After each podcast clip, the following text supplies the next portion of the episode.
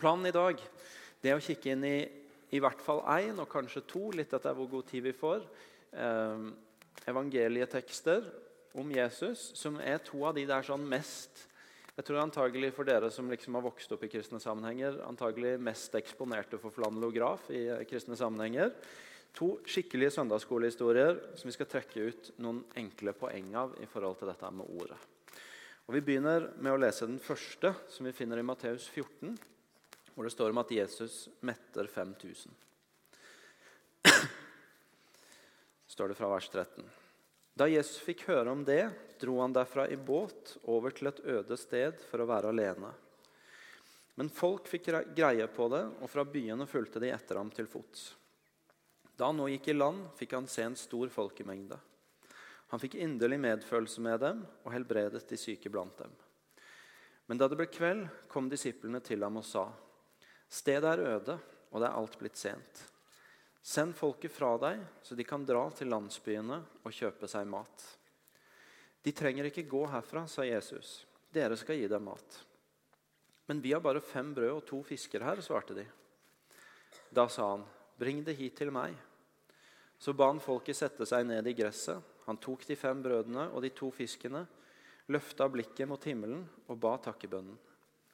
Deretter brøt han brødene og ga dem til disiplene, og disiplene delte ut til folket. Og alle spiste og ble mette. Etterpå samla de opp stykkene som var til overs, tolv kurver fulle. De som hadde spist, var omkring 5000 menn, utenom kvinner og barn.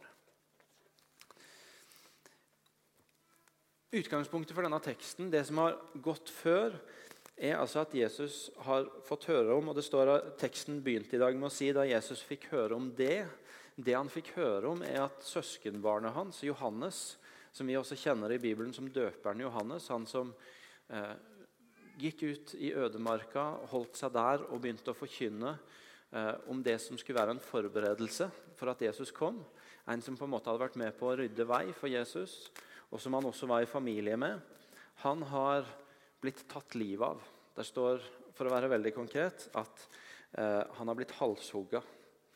Eh, og Jesus får altså høre om det. Og, han, og, Det står at han dro derfra i båt over til et øde sted for å være alene. Jesus drar, altså har fått en forferdelig nyhet, og en nyhet som må ha gjort han urolig, og som må ha brakt sorg. Eh, og Han får høre om det og drar et sted for å være alene.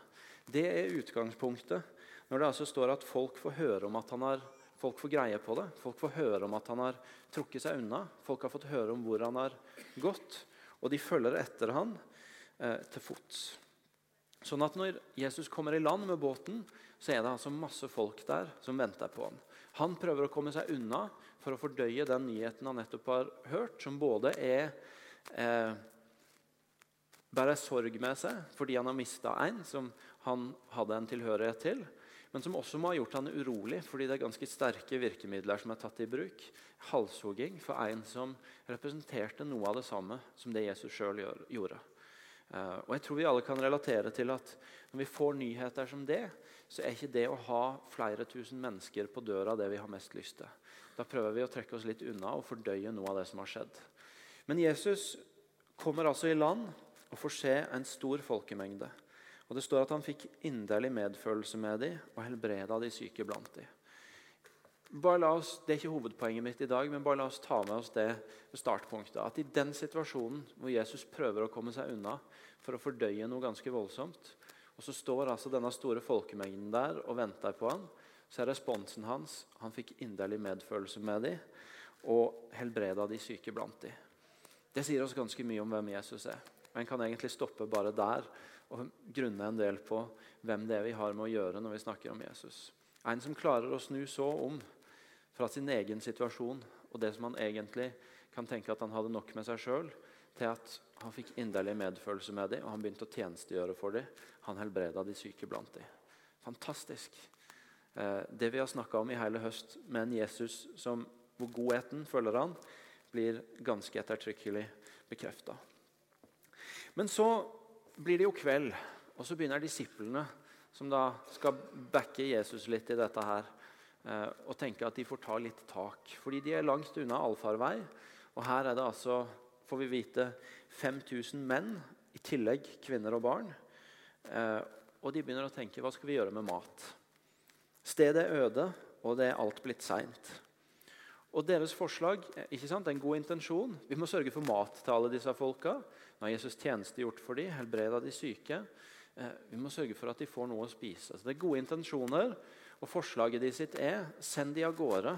Send de eh, sånn at de kan dra til landsbyene og kjøpe seg mat.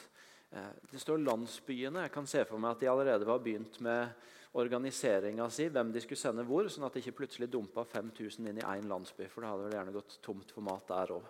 Eh, så de var sikkert i gang med logistikken ikke sant? for hvordan de skulle få porsjonert alle disse folka ut, sånn at det ble mat for dem.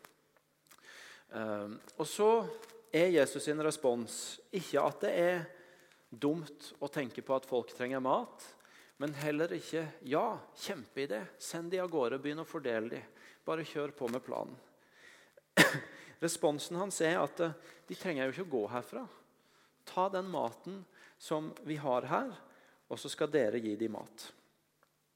Eh, og Responsen deres er jo ikke overraskende fra et menneskelig perspektiv. Vi har fem, fiske, fem brød, to fisker. Eh, går alltid sur på det med hva som er hva, men det er fem brød og to fisker. Dobbeltsjekker nå òg. Eh, sier, eh, de sier vi har jo bare det. Det holder ikke til alle disse folka. Og så er Jesu respons spring det hit til meg. Jo, jo, dette skal vi ordne. Dette ordner seg. Eh, og så kommer den historien som mange av oss vil kjenne, om hvordan han velsigner eh, brød og fisken, og de begynner å dele ut. Og det går aldri tomt. Og til slutt så er det til og med tolv fulle kurver til overs. Det jeg har lyst til å stoppe opp ved i dag, er dette enkle at disiplene har en god intensjon, en god plan. De skal sørge for at folket får mat. Og Så legger de en plan ut, ut fra den gode intensjonen at, og omsorgen for folk. De må jo få seg mat. Så legger de en plan som sett med menneskelige øyne er god. En godt tenkt. Spre de rundt i landsbyene. Sørg for at de får mat. Og Når de bringer dette til Jesus, så er orda som kommer tilbake fra Jesus, det er for så vidt en bekreftelse av den gode intensjonen. Ja, det er en god idé at folk får mat. Men det er samtidig en helt ny plan som putter disiplene i en posisjon hvor de ikke bare kan se denne situasjonen med menneskelige øyne, men hvor det fordrer troa di for å forholde seg til det han sier. Han kommer tilbake til dem med en ny plan, med en helt annerledes plan, som tar utgangspunkt i ønsket om at folk skal få mat, men som på en helt annen måte fordrer troa di. Menneske, med menneskelige øyne ikke mulig å fø 5000 menn pluss kvinner og barn med denne lille mengden mat.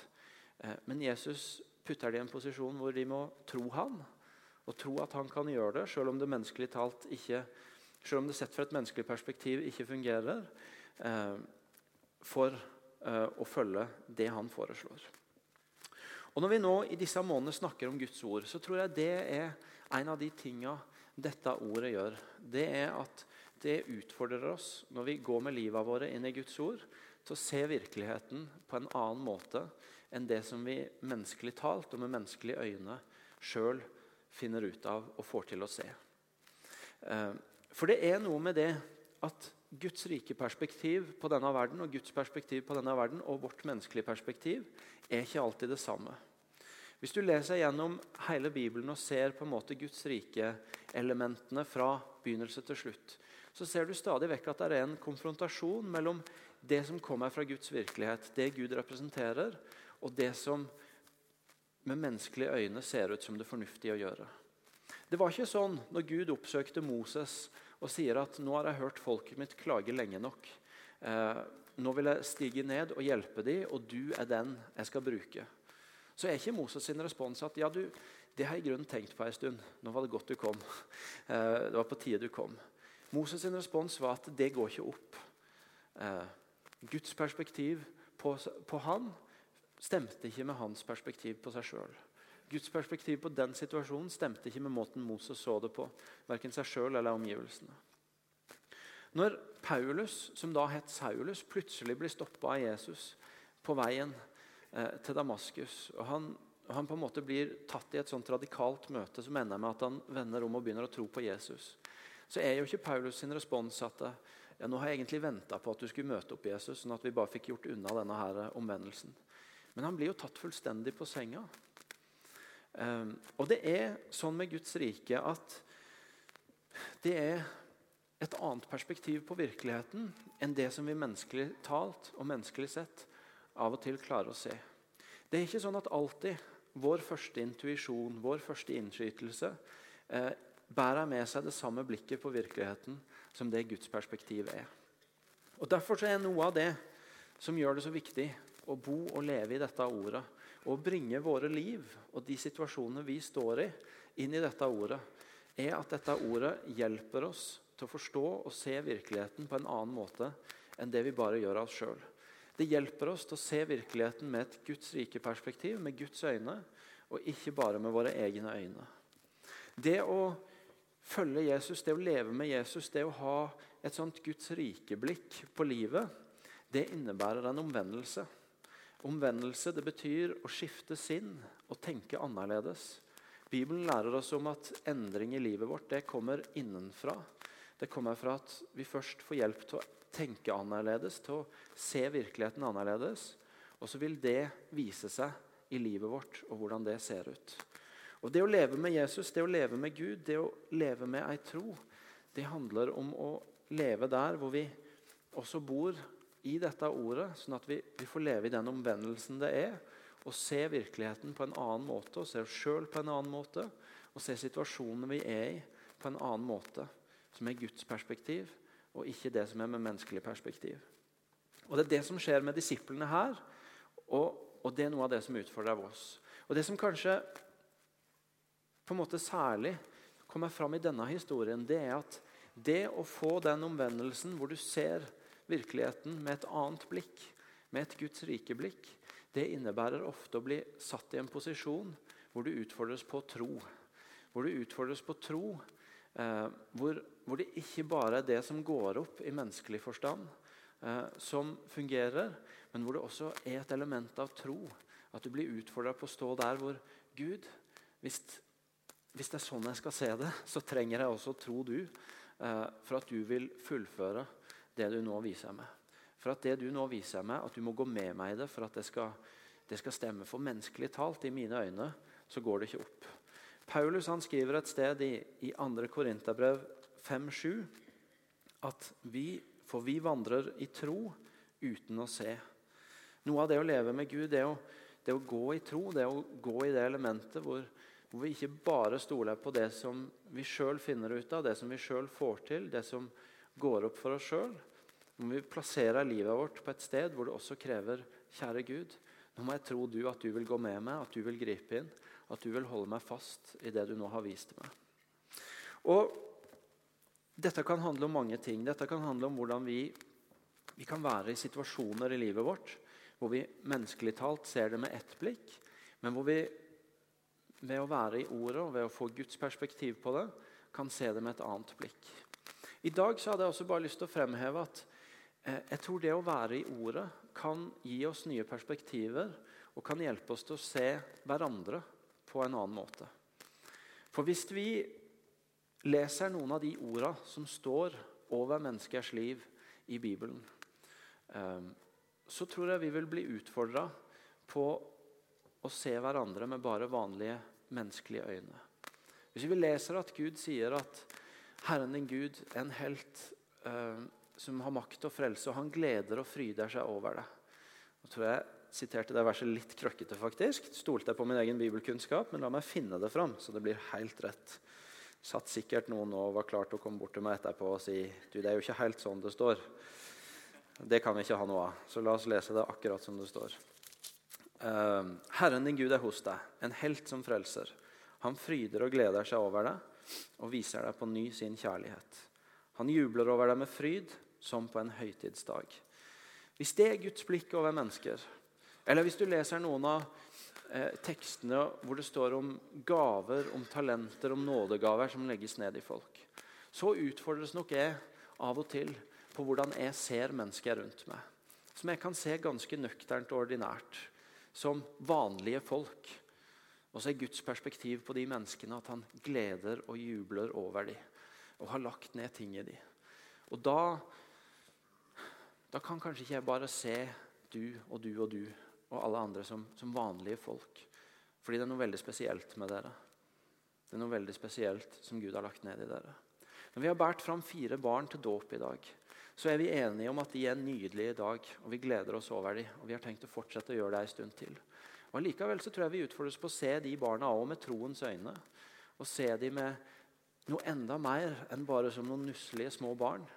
Men som noe Gud, noen Gud har, liv som Gud har et helt spesielt perspektiv over og som vi kanskje kan lytte til Gud for. Lytte til ordet hans og lytte til hva han minner oss om når vi er i ordet hans. Eh, og begynne å be inn andre ord, andre bilder, andre tanker om hva livet de sitt skal være, enn bare at de er søte og nusselige og fantastiske. Fordi Gud har et enormt perspektiv på dem. Jeg har sjøl for mine to barn ting som jeg vet at det har ikke jeg kommet på med mine menneskelige øyne. men noen ting har andre mennesker kommet og sagt til meg at de opplever Gud har minnet dem om for dem, og noen ting har jeg eh, opplevd at jeg har landa i sjøl når jeg har bedt for dem, og som jeg ber over de barna. Som ikke bare er 'pass godt på dem, beskytt dem fra de onde', men som handler om hvem de er, hvordan Gud ser på dem, hvem han har skapt dem til å være. Og Det har jeg ikke kommet på meg sjøl, det gjør jeg fordi noen av dere som hører til her i menigheten, som har hatt barn lenger enn meg, har snakka med meg om det. Så det har jeg lært av noen av dere. Eh, men det, det er et perspektiv. Å se disse dåpsbarna og se andre barn, ikke bare med menneskelige øyne, men med Guds øyne. Og å se hverandre med Guds øyne og med Guds rike øyne, og ikke med hverandres øyne. En ting jeg hørte i høst som har utfordra meg veldig, var, var, et sted hvor noen snakka om at de forsøkte å ha en kultur hvor hvis f.eks. en greip noen i en løgn, så sa en ikke til det mennesket 'du er en løgner', men en sa 'vet du noe, dette er under din standard'.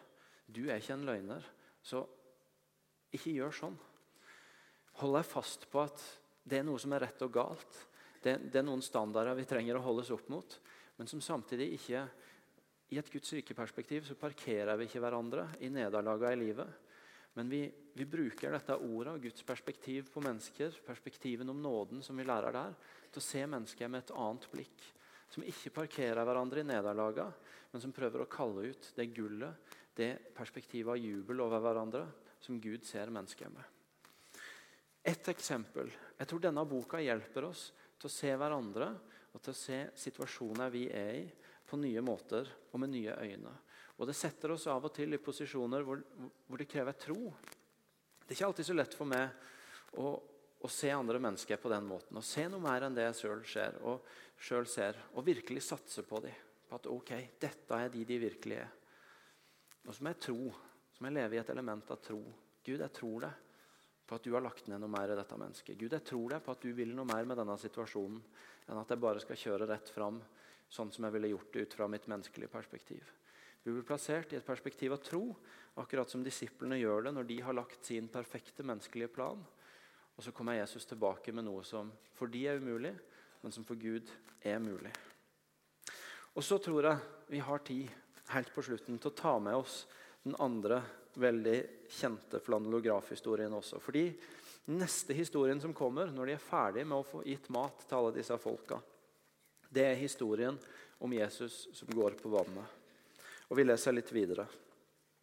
Straks etter fikk han disiplene til å gå i båten og dra i forveien over til den andre siden, mens han selv sendte folket av sted.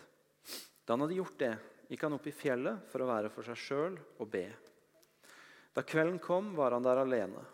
Båten var allerede langt fra land, og den kjempet seg fram i bølgene, for det var motvind. Men i den fjerde nattevakt kom han til dem, gående på sjøen.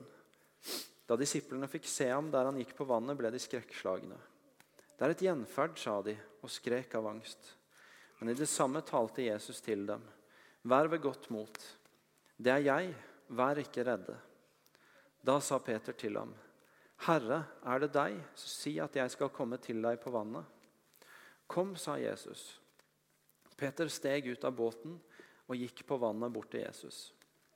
Men da han så hvor hardt det blåste, ble han redd. Han begynte å synke og ropte, 'Herre, berg meg.' Straks rakte Jesus hånden ut og grep fatt i ham og sa, 'Du lite troende, hvorfor tvilte du?' Så steg de opp i båten, og vinden stilnet. Men de som var i båten, tilba ham og sa, du er i sannhet Guds sønn.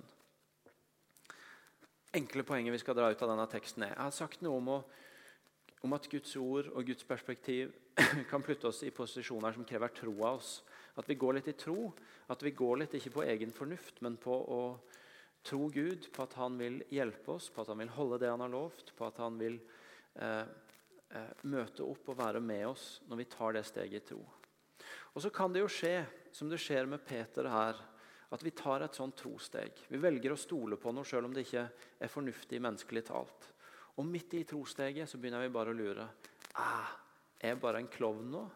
Driter jeg meg bare skikkelig ut? Er dette her bare helt tåpelig? Og Peter han begynner å lure der han står midt ute på vannet. Og det er jo ikke akkurat noe sted å begynne å lure. Um, men det som skjer da, det er at når, Jesus, når Peter begynner å, å, tvile og lure og synke, og roper 'Herre, berg meg', så kommer Jesus han i møte midt i trosteget.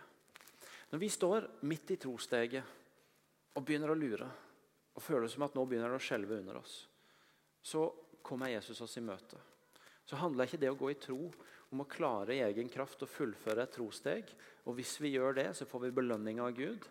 Men om en Jesus som er utrolig nådig, og som er villig til å møte oss midt i det steget vi har tatt ut i tro til Han, og OK, nå møter jeg deg her du begynte å tvile litt nå, du begynte å lure litt. Du begynte å tenke går dette eller ikke. Ok, da kommer jeg deg i møte, og så får du møte meg akkurat her. Og så tar jeg deg med helt inn.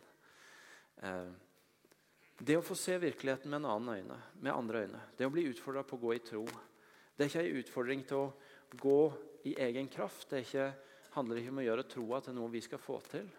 Men det handler om å ha i bunn at når vi tar det trosteget, så kommer Jesus oss i møte, sånn som han gjorde med Peter, og møter oss midt i det. Og Det betyr at vi kan se virkeligheten rundt oss og gå med Gud og gå med et Guds rike perspektiv fra en posisjon av nåde. Fra en visshet om at Jesus møter oss når det begynner å skjelve under oss. Det skal de som har blitt døpt i dag, få leve sine liv med, starte sine liv med. Og det skal vi, skal vi som har levd noen år lengre, få ha som fundament i våre liv.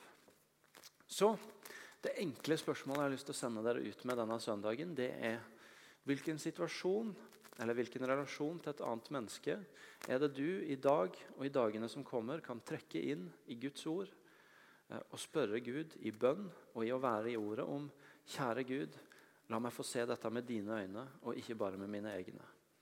Et menneske du strever med å se på et, annet, på et, annet, vis enn ditt eget. En situasjon som ikke går opp for deg, og som du trenger at Gud viser deg noen andre bilder på. Hvilken situasjon er det du skal ta med deg inn i ordet og bønnen i dag og i uka som kommer, og si, kjære Jesus, gi meg en annen plan, gi meg et annet perspektiv på hvordan dette ser ut.